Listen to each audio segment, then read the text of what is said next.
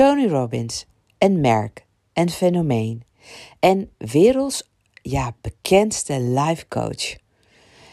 Voor mij reden genoeg om deze man helemaal te willen analyseren aan de hand van zijn geboortehoroscoop. En ja, ik neem daar maar liefst drie podcasts over op. En de eerste aflevering, die staat al online. Dus die kun je nog beluisteren. Als je dat nog niet hebt gedaan, dan zou ik je aanraden om dat alsnog te doen. Want in de eerste aflevering geef ik aan hoe deze man zo bekend is geworden. En waar die mee bekend is geworden. En mogelijk ken je hem, misschien ken je hem niet, maar het kan eigenlijk bijna niet als je zelf een kennisondernemer bent, een coach bent, een trainer, een therapeut, een adviseur, een strateeg. Want bijna elk ondernemer die ik help, doet gewoon heel veel aan persoonlijke ontwikkeling. En ja, dan heb je toch ook wel echt wel gehoord van de grootste namen op het gebied van life coaching. Waarschijnlijk wel gehoord. Nou, Tony Robbins staat decennia lang als nummer één expert op het gebied van mindset. En daar gebruikte hij NLP-technieken voor, ook hypnose-technieken. Maar dat noemt hij niet meer zo. Hij zegt dat hij gebruik maakt van een eigen methodiek, want dat maakt hem natuurlijk lekker uniek. Ik vind hem in ieder geval heel erg uh, inspirerend en ook intrigerend. En het mooie is dat we, als we iemand zijn geboortegegevens hebben, ja, we ook iemand kunnen analyseren. Ik althans. En ik uh, sla daar misschien een beetje in door, maar dat is natuurlijk ook mijn vak. Ondernemers komen bij mij omdat ze vastlopen of omdat ze nieuw perspectieven willen en ze willen weten wat bij hen past en waarom ze meemaken wat ze meemaken en wat er nog gewoon gaat komen. Dat is natuurlijk heel handig als je een shortcut wil. Dan ga je natuurlijk met veel meer vertrouwen en met veel meer rust je, ja, je leven tegemoet. En het scheelt je natuurlijk ook heel veel tijd, heel veel frustraties ook, maar ook heel veel geld. Omdat je gewoon, ja, nagenoeg rechtstreeks op je doel afgaat, zonder omwegen. Want je weet toch wel wat je, wat je te doen hebt en wat je te leren hebt. Dus ja, dus dan kun je net zo goed uh, ja, meteen daarvoor gaan, toch? Nou, dat is in ieder geval wel waarvoor mijn klanten gaan.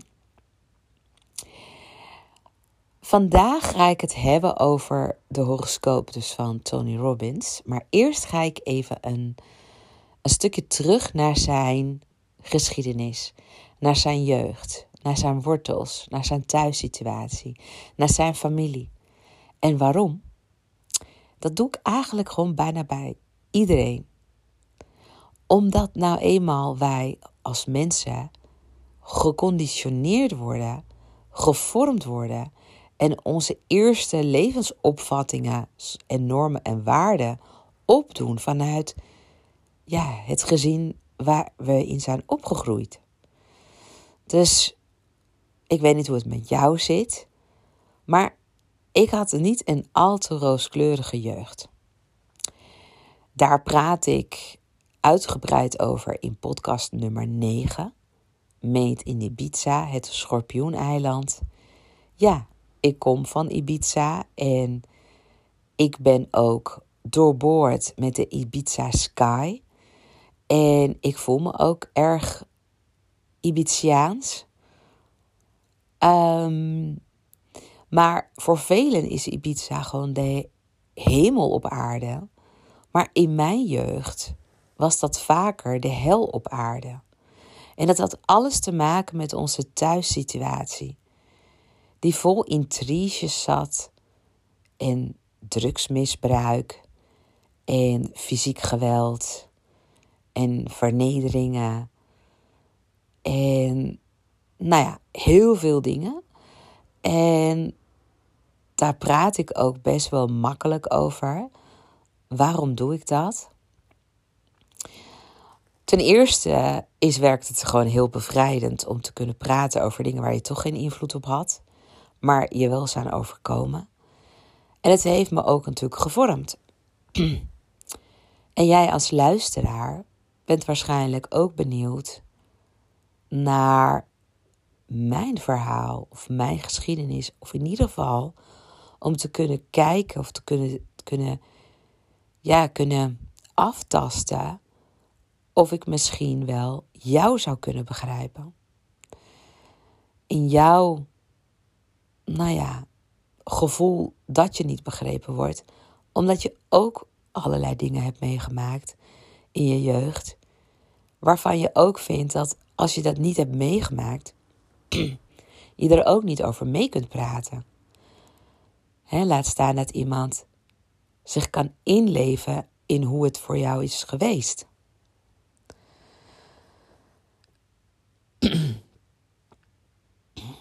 en ja, van Tony Robbins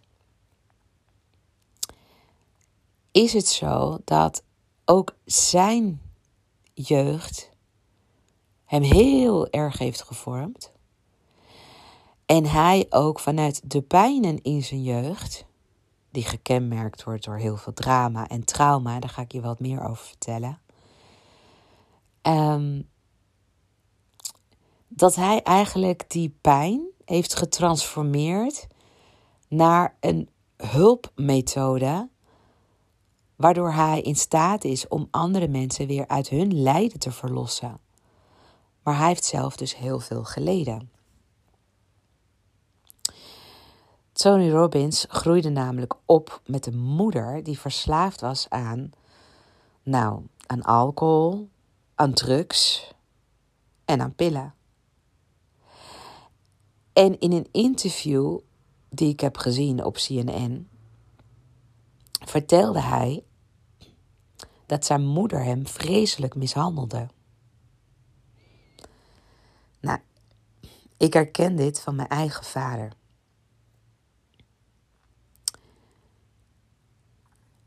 Zijn ouders, die gingen scheiden toen hij zeven was. En hij heeft zich thuis altijd verantwoordelijk gevoeld voor zijn moeder.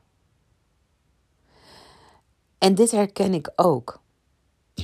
Mijn ouders gingen dan uit elkaar toen ik tien was. Hè? Maar ik heb me ook altijd verantwoordelijk gevoeld. Niet zozeer voor mijn ouders, maar wel voor mijn broers en zussen. Want daar hadden we, uh, nou, we zijn uiteindelijk heeft mijn vader 13 kinderen op de wereld gezet. En ik hoor bij de eerste lichting.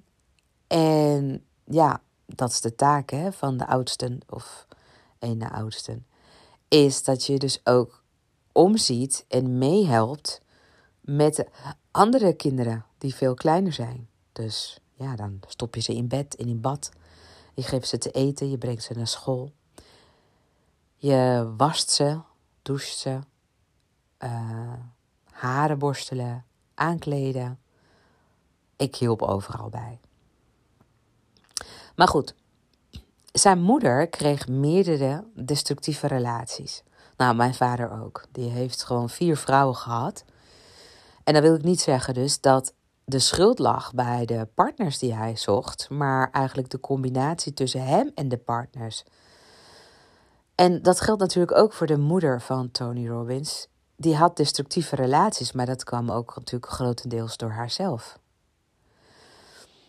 Bij Tony heerste de schaarste. Ze hadden thuis dus ook echt gewoon nou, gebrek aan geld en andere middelen. En ja, hij groeide op eigenlijk met een moeder die last had van stemmingswisselingen. En daardoor leerde hij haar om te lezen. Want hoewel ze hem lief had, ja, ik heb hier en daar op internet dat wel eens meegekregen dat zij wel tegen hem kon zeggen dat ze van hem hield. Maar desondanks heeft zij haar zoon heel vaak fysiek mishandeld. Zo erg dat Tony Robbins in een van zijn interviews zegt dat het bij hem thuis voelde als ja, a matter of life and death.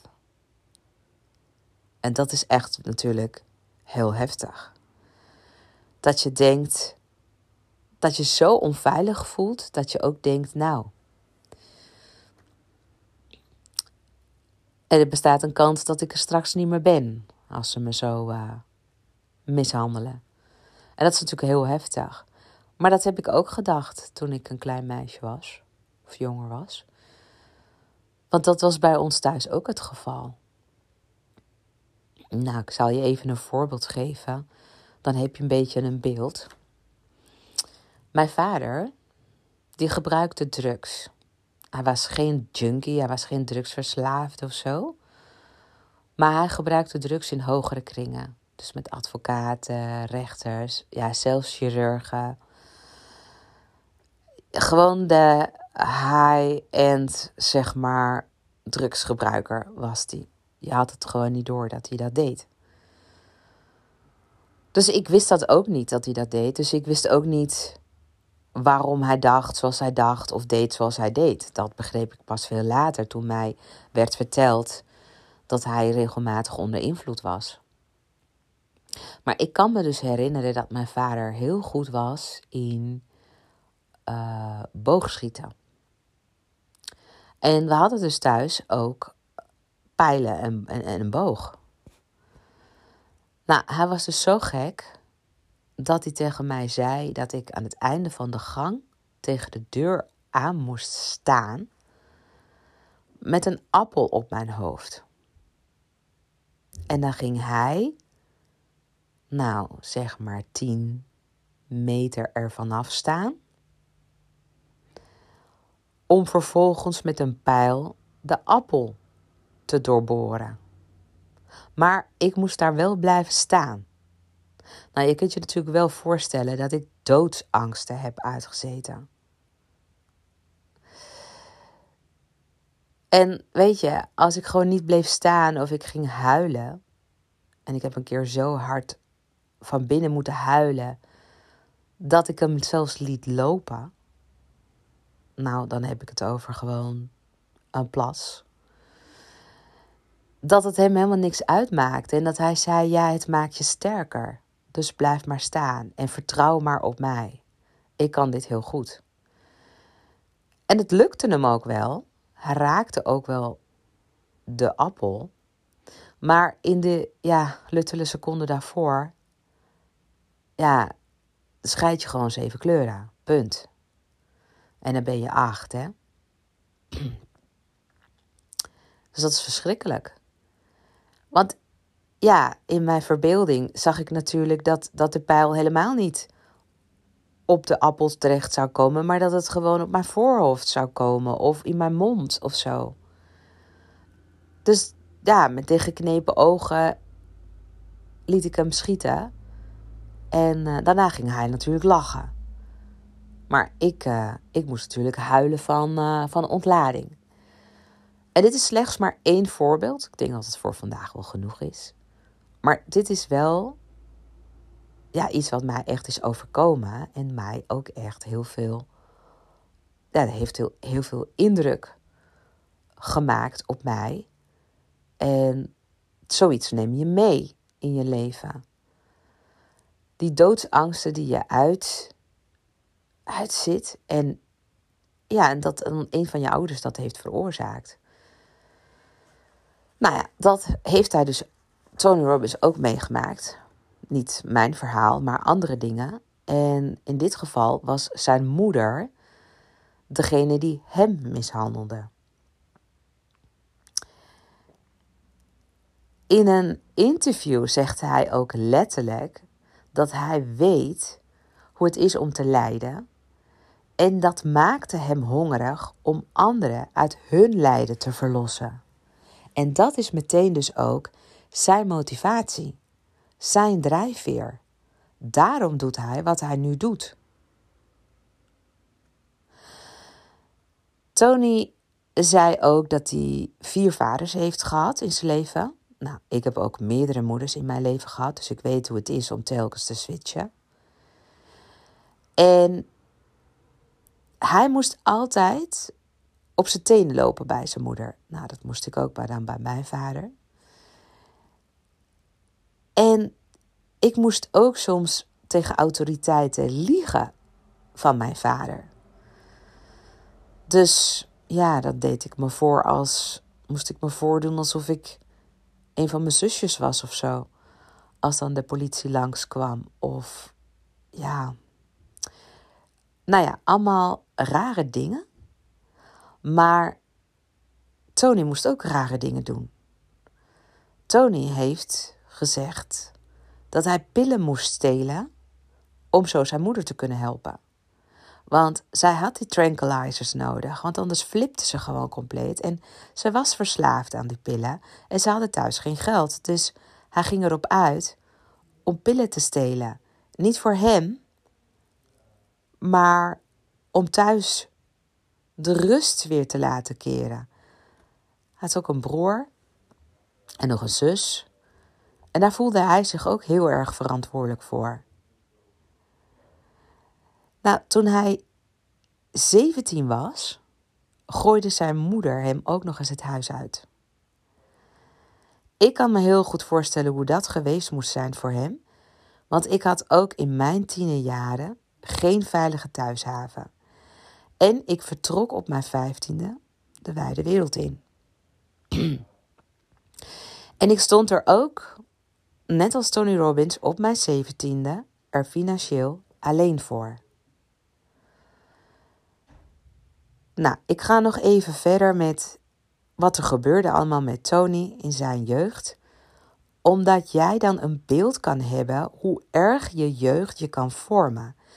En dus dat ook voor jou geldt. En terwijl ik gewoon Tony analyseer, wil ik dat je je ook inbeeldt hoe het zou zijn voor jou. Als ik ook jouw leven zou analyseren.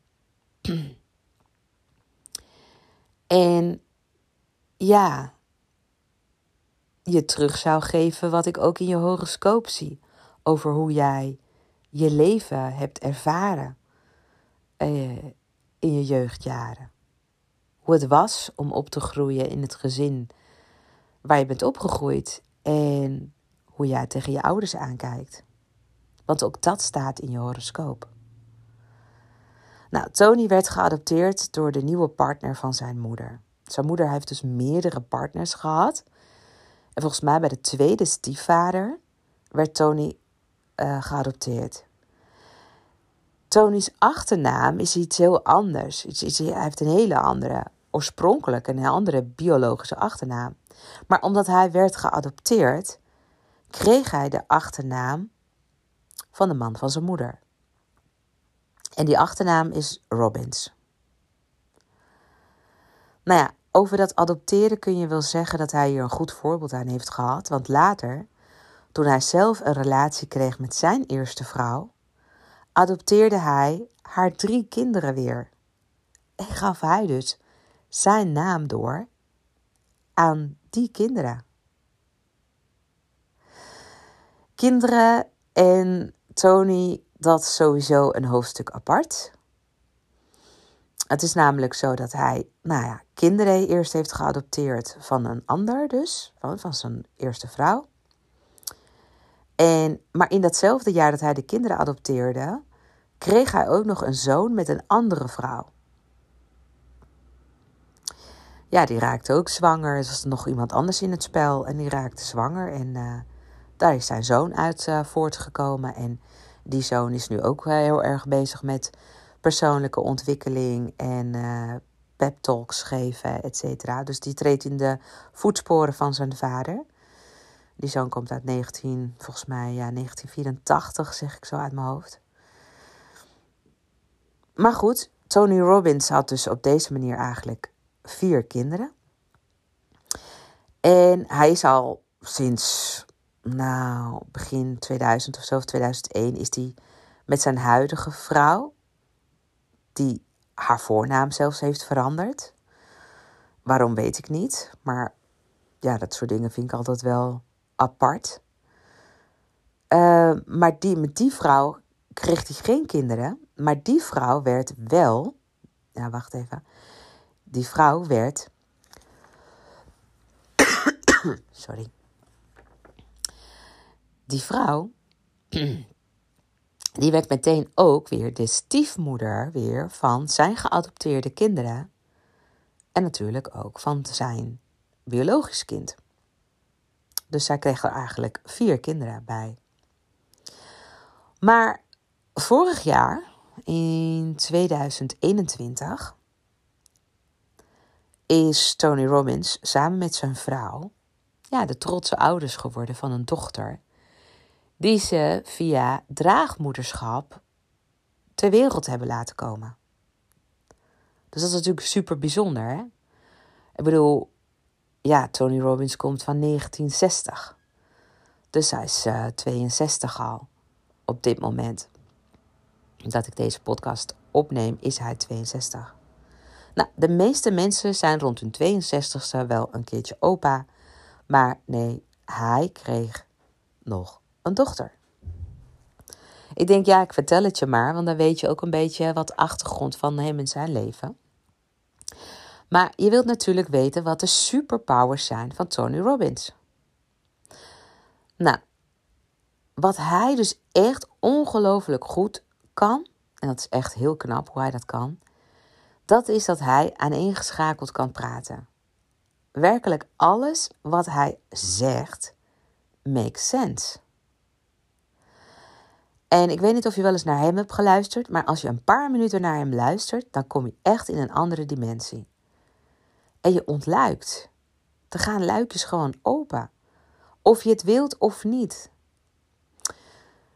Hij heeft gewoon buitengewone communicatieve vaardigheden. Dat hoef ik natuurlijk niet te, te, te, te zien in zijn horoscoop. Dat kun jij ook nog wel zien. Als hij zijn mond open doet, dan volgt een waterval aan anekdotes en zelfbedachte quotes. Het is ongelooflijk. Het is echt een quote machine. En zijn boodschap is ook nog eens vaak heel erg eenvoudig. Dat is nou ook een, dus dat is ook kunst, hè? En zijn gebaren en mimiek, hè, dus dat, dat, dat wat hij daarbij laat zien, ja, dat is gewoon bijna haast perfect te noemen. Hij is echt, nou ja, een ras echte performer. En je zou ook wel kunnen stellen dat hij, dat hij gewoon echt ja, een van de allerbeste acteurs is. Punt. Niet omdat hij acteert, maar wel omdat hij donders goed weet hoe, hoe hij overtuigend een show kan neerzetten. Zijn bezoekers zijn altijd verrast, overdonderd, diep onder de indruk. Ja, ik ken een paar mensen die naar zijn seminar zijn geweest en die achteraf zeiden: This was really life changing. Ja, daar word ik ook natuurlijk heel warm en dan wil ik er ook heen. Maar dan mag ik 2500 of 5000 euro voor neertellen. Wat ik nu wel er wel voor over heb, maar nou, aantal jaren geleden dacht ik echt van: is dit echt nodig? Maar ja, dan snap je natuurlijk ook wel hoe hij aan zijn geld komt. Hij verkoopt gewoon high, high-end tickets. Nou ja, hij haalt er God wel eens bij. Of althans, ja, moet je dat zeggen? Hij is wel een beetje een evangelische prediker. Ja, zeg ik dat goed zo? Nou ja, hoe dan ook. Hij verkoopt niet God. Ja? Hij zit niet te praten over geef je, eh, geef je, ja, geef je bedrijf aan God of geef je mindset aan God of, of, of zo. Dat zegt hij allemaal niet. Maar wat hij wel doet, hij verkoopt succes in de moderne wereld. En om geloofwaardig te zijn, moet hij het zelf ook belichamen. Kijk maar goed naar hem. Deze man straalt echt rijkdom uit. Hij ziet er ook wel altijd wel heel netjes uit en hij draagt over het algemeen een pak. een pak. Weet je wel, een stropdas, een uh, wit overhemd. Ja, heel vaak in wit, wit overhemd. En dan heel, ja, een pak van hele mooie stoffen. Meestal Italiaanse stoffen als ik dat zo bekijk. Maar dat geeft hem ook een tientje zakelijkheid. Een tientje dat het een gerespecteerd persoon is. Het geeft hem wat status. Hij staat niet in zijn spijkerbroek en in een wit shirt te hoppen op een podium. Dat kan hij wel. Uh, maar over het algemeen, wanneer hij ergens komt opdagen, dan zie je hem gewoon in een pak. Let maar eens op. Waar Tony Robbins dus ook echt een ster in is, is dat hij het leven in hapklare stappen voor je uitstippelt. Zijn boodschap bevat altijd een aantal stappen om van A naar B te komen. Dus hij maakt van iets dat wij als complex zien echt super eenvoudig. Want hij werkt altijd met van die bullet points. Weet je wel? Zoals van, uh, nou, vier manieren om dit te doen, vijf stappen om dat te doen en uh, drie wegen om uh, daar te komen. Dat is zijn manier om hoe hij heel eenvoudig aan jou vertelt ja, welke stappen je moet nemen om er te komen. Nou ja, ik zei het al, zijn seminars zijn natuurlijk niet goedkoop. Het loopt op in de duizenden euro's. Niet iedereen kan het zich veroorloven. Zo houdt hij het lekker exclusief. Maar natuurlijk loopt hij hierdoor sneller binnen. Zijn allergrootste troefkaart vind ik nog wel dat hij beschikt over verbazingwekkende overtuigingskracht. Want weet je, dit geeft hem dus ook macht. Hij kan met zijn overtuigingskracht echt complete volkstammen in beweging krijgen. Nou ja, laten we maar blij zijn dat hij zijn persoonlijke macht aanwendt voor ongevaarlijke zaken. Want je moet er toch niet aan denken dat deze man radicaliseert. En dat hij dan vervolgens zijn power aanwendt voor, ja, demonische zaken. Zoals oorlog voeren of rassenhaat verspreiden. Nee, gelukkig niet. Deze man is, ondanks, ondanks de macht die hij heeft en de impact die hij maakt, ja, hij is gewoon de verpersoonlijking van het goede. En daarom zeg ik ook van ja, we zijn blij dat hij niet zijn macht en impact gebruikt om andere ideeën de wereld, in de wereld te verspreiden die destructief zijn voor de mensheid. Ja, dat wil ik toch maar even gezegd hebben. Ja, en dan de magische geboortehoroscoop van Tony Robbins. Want ik noem zijn geboortehoroscoop magisch omdat ik zie dat hij zoveel verschillende kwaliteiten bezit dat het haast jaloersmakend is. Kijk, mijn analyses zijn niet eenvoudig, ze zijn ook niet simpel. Toch ga ik het simpel aan je uitleggen wat ik zie. Want een van mijn waarden waar ik voor sta, is dat jij geen verstand van astrologie hoeft te hebben om mijn analyses te volgen. En dat geldt ook als je mijn klant bent of wordt. Als Tony Robbins mijn klant zou zijn, dan zou ik hem uiteraard nog veel en veel meer vertellen over zijn levenspad en waar hij nog in kan groeien. Maar weet je, ik denk dat deze man op eenzame hoogte staat wat betreft zijn eigen bewustzijn. Er zijn maar weinig mensen die al zo zelfbewust zijn als dat hij dat is. Dus ja. Nou, een van de nou, belangrijkste dingen waar ik naar kijk wanneer ik een horoscoop analyseer, is de gouden driepoot. En als je mij nog nooit dit eerder hebt horen vertellen, dan zou ik je aanraden om te gaan naar de mini masterclass die ik heb gegeven eerder in deze podcast. Die heet ook mini masterclass en die gaat over zonnetekens, ascendantekens en maantekens. En daarin ja, ontdek je dus ook waarom de gouden driepoot zo belangrijk is. De gouden driepoot geeft je identiteit en houdt jouw psyche bijeen. En alleen maar over drie, deze drie punten in je horoscoop kan ik al dagen praten. Laat staan nog voor alle andere dingen die er ook nog bij komen kijken. Nou, laten we eens bij het begin beginnen. Het sterrenbeeld van Tony Robbins is vissen. Ja, 29 oktober. Hij is uh, van de schrikkeljaar. En ja, wat zegt dat nou, dat hij vissen is? Nou, dat het een man is met een grote voorstellingsvermogen en grote empathische vermogens.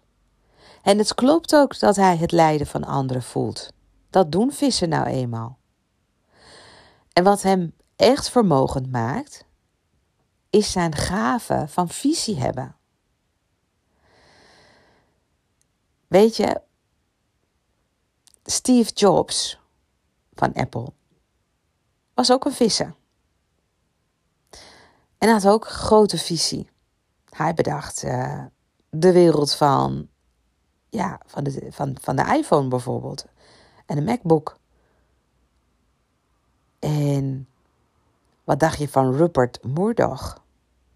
Dat is een mediamagnaat over de 90. Maar ook hij is een visser. En ook hij heeft visie. Ja, ze zien gewoon wat andere mensen niet zien of nog niet aan toe zijn om te willen zien. Ja, de gave van visie heeft hun natuurlijk geen windeieren gelegd. Vissen hebben iets ongrijpbaars. En daarom raken we gebiologeerd als we deze mensen onstage zien. Ik weet niet of jij Steve Jobs kan herinneren hoe hij op het podium stond te vertellen over de, nou ja, de iPod, de iPhone, de MacBook. En hoe hij de toekomst zag. Nou, gewoon echt heel erg interessant. Maar vissen kunnen natuurlijk ook goed acteren. Ze kunnen namelijk heel erg goed veinzen, doen alsof. En ondertussen iets heel anders denken. Ze kunnen schakelen als de bliksem. Hoewel ze ze soms ook een beetje naïef kunnen opstellen, maar niks is minder waar. Ze hebben visie omdat ze ook durven te dromen. Ze zien hun geestesoog razendsnel wat er nog meer kan. En weet je, vissen en geld gaan goed samen. Mensen die in jouw idealen en goedwillendheid geloven, gunnen je ook geld. En vissen kan dit makkelijk activeren en geld moeiteloos naar zich toe laten stromen. Ik gebruik heel vaak een quote van Zig Ziglaar. Dat is ook een eh, motivational speaker. En ook een entrepreneur. En ja, die deel ik ook altijd met mijn klanten. En het is echt zo waar als een koe. Dus ik ga hem even met je delen. Zijn quote gaat als volgt: You can have everything in life you want if you will just help enough other people get what they want. En dat is echt zo. Als je mensen helpt, dan komt het jou weer uiteindelijk weer via een omweg weer terug. En dit is dus precies wat Robbins en Jobs en uh, Murdoch gemeenschappelijk hebben. Ze zijn met iets gekomen waar behoefte aan is in de wereld. Ze zijn zakelijk in dat gat gesprongen en hebben miljoenen mensen gegeven waar ze behoefte aan hadden. Ook al konden ze dat zelf niet benoemen. Ja, ik heb niet gevraagd om een iPhone. Maar omdat iemand anders wist dat ik hier behoefte aan zou hebben, heeft hij de vraag ook gewoon gecreëerd en daar een oplossing voor bedacht. Nou, dat is toch gewoon geniaal. Nou, Mercurius, dat moet je even weten, is de planeet die gaat over communicatie. En Tony heeft zijn Mercurius in het teken vissen. En normaal gesproken zou ik zeggen dat dit geen goede stand is. Maar dit is niet van toepassing op mensen die een droom, een visie of een ideaal proberen te verkopen. Dan is het juist dus fijn dat ze communiceren vanuit hun droom, visie of ideaal. Dus dit is precies wat Tony Robbins doet. Hij verkoopt je terug aan jou. Hij maakt je groter dan jij jezelf voor mogelijk houdt. Hij houdt een spiegel voor en in plaats van de saaie oude jij te zien, zie je die fantastische, succesvolle en grotere versie van jezelf.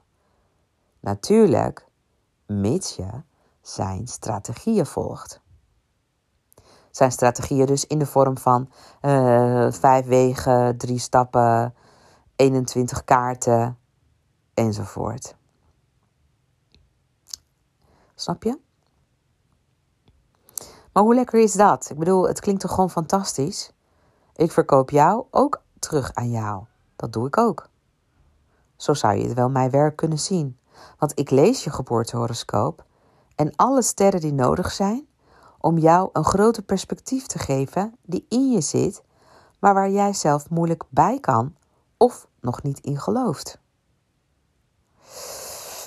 Ja, ik uh, zie af en toe wat parallellen tussen mij en, en Tony Robbins, maar er zijn ook genoeg verschillen. Dan Neptunus. Want Neptunus hoort bij vissen.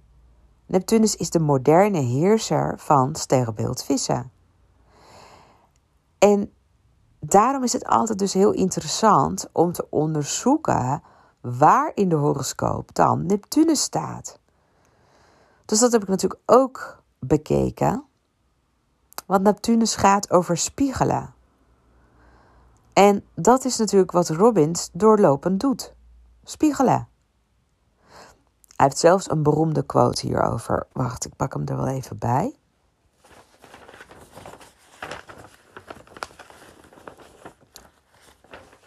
Oh ja, hier. Ja. Um, even in het Nederlands.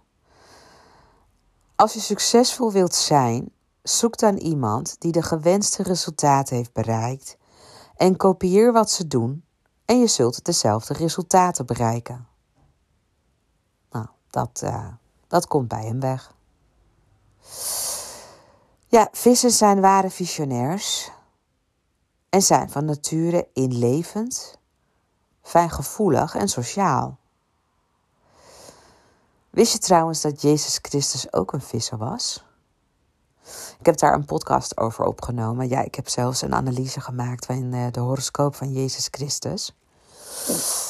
Um, dat is podcast nummer. Kijken. Nummer 56. En het heet Het bijzondere karakter van Jezus Christus. Nou, daar doe ik echt een complete analyse over Jezus. En ik geloof dat dit heel bijzonder is. En dat je dit nog nooit eerder hebt gehoord. En dat je er versteld van zult staan wat ik ja allemaal je kan vertellen over de Messias.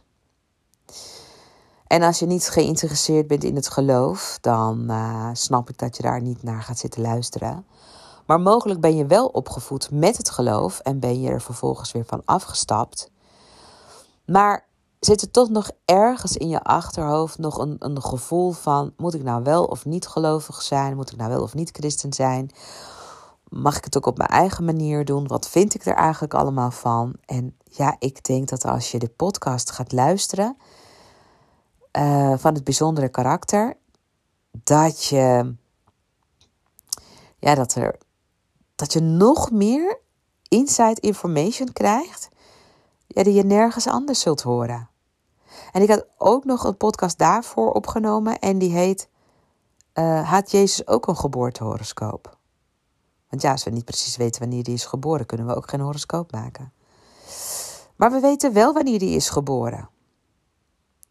En ja, ik heb sowieso wat podcasts opgenomen over de kerk en het geloof en de Bijbel en astrologie. En ik denk echt dat je met je oren klappert als je, als je die podcasts beluistert. Omdat je er dan achter komt dat astrologie gewoon mateloos populair was in de jaren voor Christus. En dat, ja, dat het zelfs concurreerde met het christendom. En uh, Jezus was natuurlijk, uh, kwam uit het Jodendom. Maar het christendom ontwikkelde zich pas daarna. En het was de kerk en de kerkvaders die concurrentie zagen in astrologie en dat ze het daarom gingen verketteren. Echt heel interessant om te weten hoe, wat daar nou precies gebeurd is. Want het was niet Jezus die had gezegd dat je niet je bezig mag houden met astrologie. Nee, dat heeft gewoon een apologeet bedacht. En apologeten zijn mensen die dus het woord van Jezus verspreiden. Ja, nadat hij al is overleden. En dus van alles kunnen vinden en kunnen roepen. Dus ja, eigenlijk hun eigen mening opdringen en dat dan opschrijven in naam van Jezus Christus. Ja, en zo, zo kwam er dus in de Bijbel dingen te staan als dat je er niet mocht inlaten met astrologie en zo. Maar weet je, dat er zit natuurlijk ook een andere kant van het verhaal aan vast. En dat is dat Jezus of God of waar je dan ook in gelooft, ons in ieder geval wel de sterren hebben gegeven. De sterren, de planeten, de zon, de maan, alles. En als wij dat niet zou naar mochten kijken, dan was het ook ons niet gegeven. Maar het is ons wel gegeven. Net als uh, land en zeeën en bergen en goed en kwaad en mannen en vrouwen en alles is ons gegeven. En wij mogen er alles mee doen uh, wat ons als mensheid verder brengt. En het analyseren van de, ja, van de hemellichamen op ons als mens hier op aarde is ook een vorm van interpretatie, analysatie en, en ja, een soort stuk wetenschap. Hè? Dus kortom, ik uh, raad je aan ook om die podcast te gaan beluisteren. Maar even nog even over ja, Neptunus. Ja, misschien wel leuk om te vertellen. Maar Neptunus was de god van de golven en het stromend water. Maar later was Neptunus meer de god van de zee. En Neptunus werd ook vaak uitgebeeld als een oudere man die vaak naakt of half naakt was. En hij had als attributen vaak een drietand.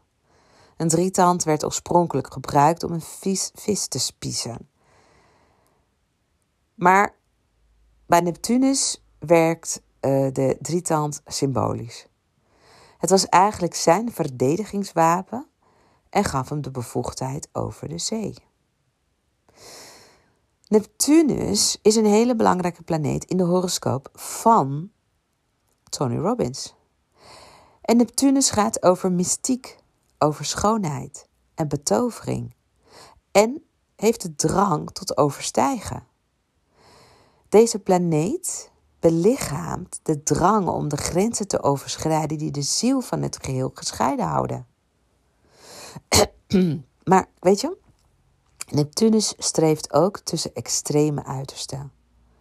Van het hoogste spirituele bewustzijn, en dat via de verbeelding en de illusie, naar de andere extreme kant, namelijk de diepte van teleurstelling van teleurstelling en desillusie. Neptunus oefent hypnotische aantrekkingskracht uit en heeft de drang om de dagelijkse werkelijkheid te overstijgen, in hogere bewustzijnstoestanden te komen en met het goddelijke te versmelten of aan de werkelijkheid te ontsnappen. De hypnotiserende krachten van Tony Robbins kan hij hier dus heel goed aan ontlenen. Maar ook zijn hoger bewustzijn. Robbins heeft zijn Neptunus ook nog eens in het mysterieuze en intense teken schorpioen staan. En dat kleurt weer vervolgens in zijn geboortehoroscoop het gebied dat gaat over het gevoel van eigenwaarde. Dus hoe je met je talenten in eigen inkomen kunt voorzien en hoe het staat gesteld met je bezitsdrang. Nou ja, het mag duidelijk zijn dat er niks mis is met uh, Tony's gevoel van eigenwaarde.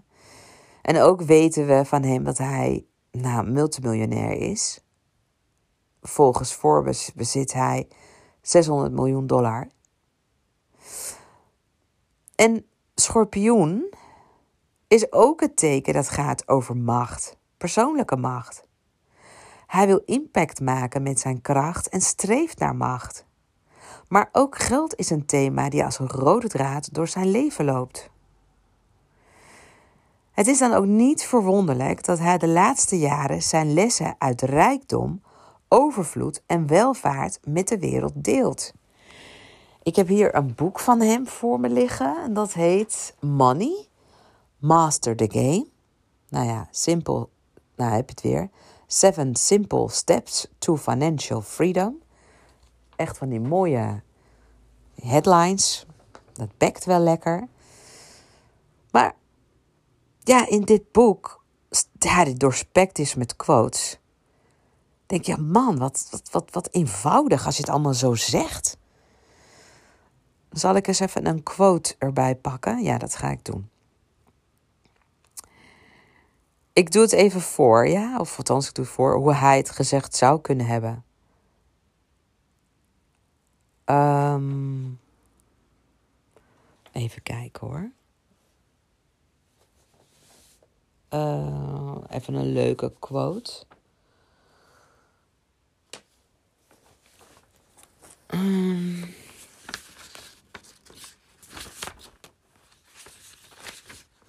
Okay. Always remember the ultimate truth. Life is not about money. It's about emotion. The real goal is to have the lifestyle you want, not the things. When you die, someone else gets those things anyway. They are not yours. I have no illusions. As much as I cherish and enjoy my resort in Fiji, I know I'm just the caretaker. Someday, someone else will own this property. Ja, dat is zo, zo brengt hij het. Nog één? Oké, okay, nog één. Money is nothing more than a reflection of your creativity, your capacity to focus, and your ability to add value and receive back. Leuk hè? Nou, dan nog eentje. Attaining possessions is not the goal. Money itself is not the goal. Our worth is not measured by the weight of our bank accounts, but rather by the weight of our souls. The path to money, the places money can take us, the time and freedom and opportunity money can bring, these are what we are really after. Ja, dat vind ik dan wel weer allemaal, hè? Ja. Allemaal van die uh, enerzijds doordenkers en, ander, en anderzijds van die make sense quotes. En dat vind ik dan weer machtig natuurlijk aan hem, hoe goed hij dit soort dingen gewoon over de bühne kan brengen. Nou ja, Robins Neptunus staat in het teken van schorpioen. En dit betekent dat hij de drang heeft om gesublimeerde liefde om te zetten in spirituele ervaringen. Mijn eigen Neptunus staat in boogschutter, wat betekent dat ik aanstuur op het verruimen van het bewustzijn. En dan een goed gepositioneerde Neptunus, en dat is bij Robin zeker het geval, omdat hij een harmonische waterdriehoek heeft in zijn horoscoop. Dat zegt jou niks, maar mij alles. Hij heeft een driehoek en die gaat van schorpioen, vissen naar kreeft. Ja, dat zijn de drie watertekens. En die maken contact weer met zijn uh, zonneteken, die staat in vissen, en zijn hoogste punt in zijn horoscoop, die staat in kreeft. En het hoogste punt in iemands geboortehoroscoop gaat over je grootste en zichtbaarste kwaliteit die je voornamelijk ontwikkelt in het werkveld. Dus met andere woorden, daarom heeft hij het vermogen om anderen te inspireren, maar ook te doorvoelen, ook te raken. Neptunus maakt je dan een soort poëet en visionair. Iemand die goed is in taal. Menig taalvirtueus heeft een flinke ja, schep van Neptunus in zich. Maar goed, die Neptunus weet de boodschap als een ware messias te verkondigen. Mensen met een krachtige Neptunus als Robbins zoeken opheffing van het ego, van het kleine zelf. En Tony Robbins kan letterlijk betoveren. Want mensen met een krachtige Neptunus zijn ook onmogelijk te categoriseren of vast te pinnen. Omdat er gebrek is aan strakke grenzen, zijn Neptunus-mensen ontvankelijk voor invloeden van buiten. Mijn fascinatie voor Tony Robbins is deels te verklaren, ook uit mijn eigen harmonische driehoek, op precies dezelfde plek als zijn driehoek. Alleen bij mij is het verschil dat het niet in watertekens staat, maar in vuurtekens. Dus ik heb een ja, grote driehoek uh, die contact maakt tussen ram, boogschutter en leeuw. En dan ook nog eens in de, in de aardehuizen, net als Tony Robbins. Nou ja, Neptunus zijn zeer meelevend en heerst over paranormaal begaafden, dromers, maar ook psychotici. Neptunus is ook de planeet van de illusie en dus vallen hier ook oplichters onder. Nou ja, wat Robbins en ik allebei willen, is het bewustzijn van de mensen vergroten. En om dit te bereiken is het nodig dat we de kunst van verleiden beheersen en ook weten te raken. We halen hier heel veel voldoening uit en het geeft ons betekenis aan ons bestaan. Dan Neptunus in Schorpioen. Ja, dat is gewoon een generatieaspect, zo wordt dat genoemd. Maar door zijn straal naar zijn zonneteken is hij in staat om rechtstreeks in te pluggen in de droom en visioenen van zijn eigen generatie. En dat kan dus ook weer niet iedereen. Dus hij weet echt een snaar te raken. En zeker van mensen van zijn generatie. Maar ja, ook de generaties daarna hoor. Waar ik ook altijd even naar kijk. Ja, geloof me, ik bekijk echt alles onder een vergrootglas. Ik kijk dus ook naar iemands zielspad. Wat iemand meeneemt uit vorige levens en wat hij of zij hier op aarde te doen heeft. Nou, in dit geval gaat het om de noordelijke maansknoop. En die staat bij Tony Robbins in het teken maagd. En dat is het teken van de genezer. En dat wijst richting het onbewuste. Zijn zuidelijke maansknoop staat in het teken van communicatie. Dit betekent dat hij zijn natuurlijke communicatievermogens moet aanwenden om de collectieve geest te genezen. Kortom, hij doet waar hij voor geboren is.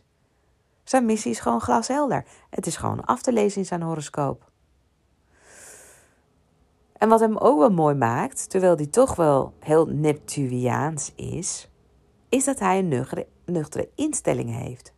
Dat hij goed is in analyseren en dat hij beschikt over een kwik verstand. Interessant, hè?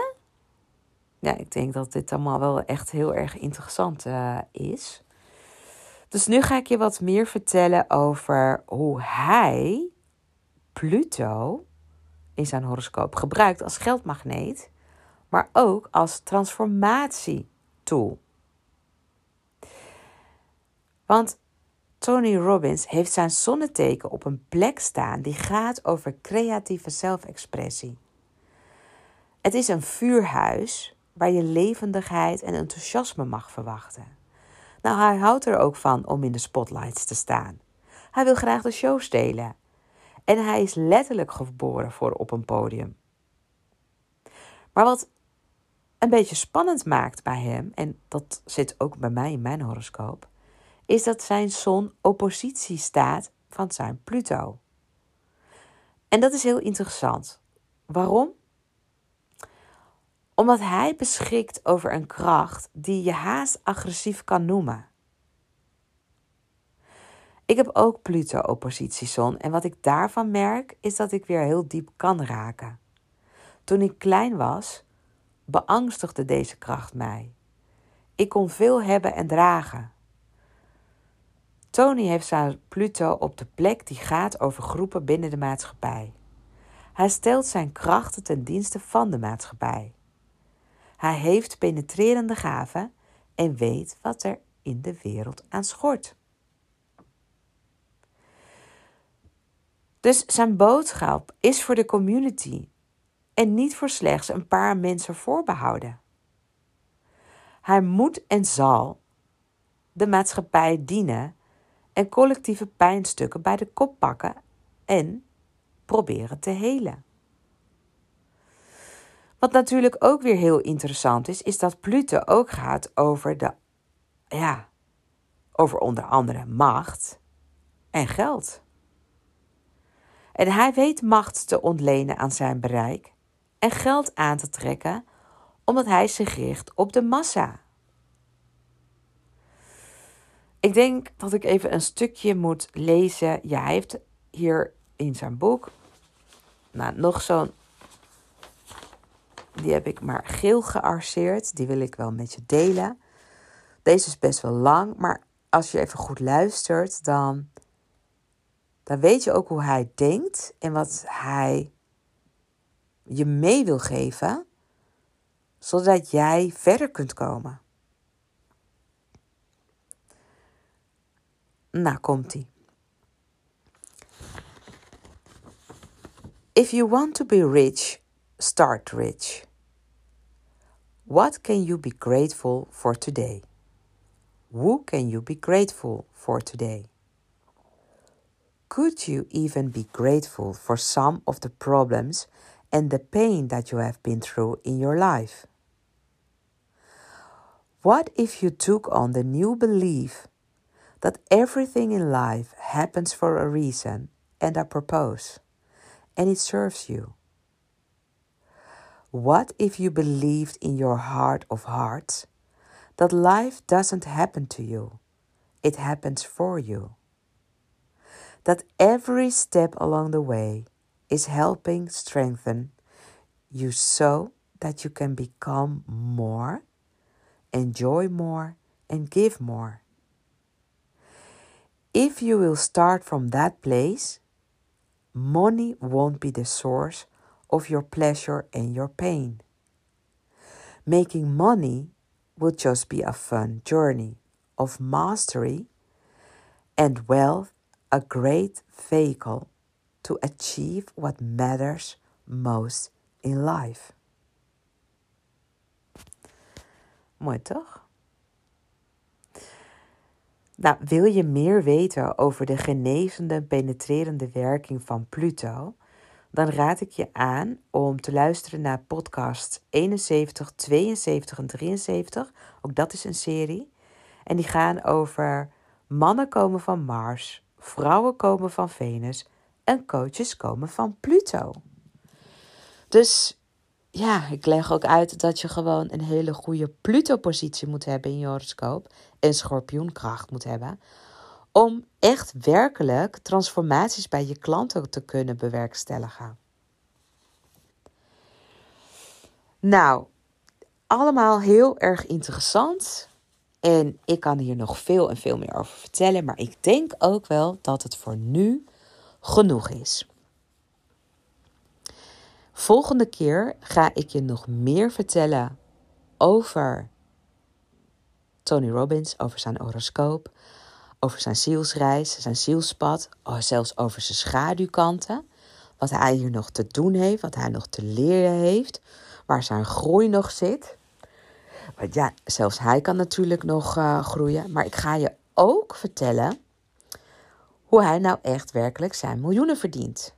Ik bedoel, gaandeweg, ja, licht ik natuurlijk een tip van de sluier op. Maar ehm, er valt natuurlijk nog heel veel te vertellen over Tony Robbins.